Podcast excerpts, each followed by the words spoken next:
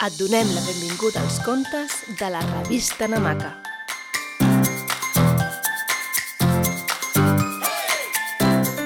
Avui t'explicarem el conte El viatge d'una dona valenta, un conte escrit i explicat per l'Helena Crespi Asensio.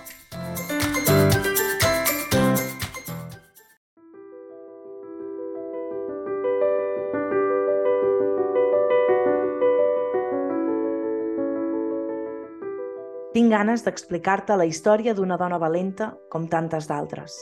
La Paquita, com la coneixia tothom, va néixer a Gualchos, un petit poble de Granada, i va créixer a Motril. Vivia envoltada de llevats i farines perquè ajudava a fer pa al forn de la família. Ja de ben petita, va haver d'afrontar situacions molt complicades. Va esclatar una guerra i la vida es va fer més difícil, així que van haver de treballar molt per aconseguir menjar cada dia i ella, valenta i decidida, va ajudar la seva família cuidant dels sis germans i germanes que eren més petits que ella. I així va passar gran part de la seva vida, treballant i cuidant per poder sobreviure.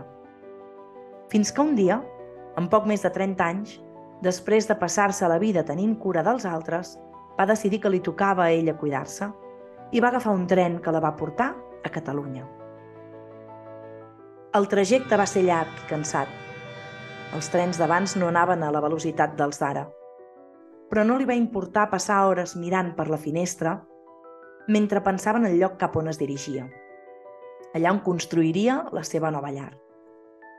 Enrere deixava la seva família i tantes altres coses que no sabrem mai. I va arribar a Torelló, un lloc nou per a ella i del que no en coneixia l'idioma però mica en mica va anar aprenent català. Malgrat que l'entenia, poques vegades s'atrevia a parlar-lo. Li feia vergonya equivocar-se, ja que en alguna ocasió s'havien rigut d'ella quan ho havia intentat. El seu castellà tenia un accent motrileny tan bonic i dolç que quan parlava, amb l'alegria que la caracteritzava, semblava que cantés. La Paquita era molt treballadora i aviat va començar a fer de modista al poble. Arreglava vestits, faldilles i pantalons i com que en sabia molt, també en creava de nous. Amb una tela de roba confeccionava un vestit o una brusa ben elegants. També cosia pantalons molt còmodes i li encantava fer sabates d'estar per casa. Entre fils i agulles va conèixer en Fernando. Ell també havia deixat el seu poble, Los Anglis, per trobar una manera de sobreviure a Catalunya. La casualitat els va unir i junts van crear una petita i bonica família. Feien un molt bon equip i a casa s'ajudaven. Però també havien de treballar molt fora de casa per poder tirar endavant la seva família. En Fernando carregava troncs en una torneria i la Paquita va canviar els fils i les agulles pels casquets de les bombetes en una fàbrica. Al cap de poc va arribar la seva primera i única filla, l'Helena no van voler o no van poder tenir més canalla, qui ho sap.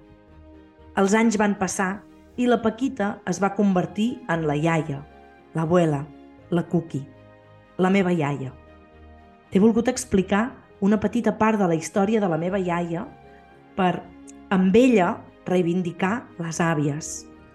Les vides de les iaies són molt importants, perquè les dones que treballen i que estimen i tenen cura de les seves famílies són les que ajuden a construir un món millor. I tot sovint, les feines de cuidar i estimar són les menys valorades. Tu ja coneixes la història de la teva iaia o de les teves iaies? Si no, fes-los la pregunta. Segur que tenen moltes coses boniques per explicar-te. Un conte escrit per l'Helena Crespi Asensio i publicat a la Namaca número 34. Descobreix més històries namaquianes a www.revistanamaca.com.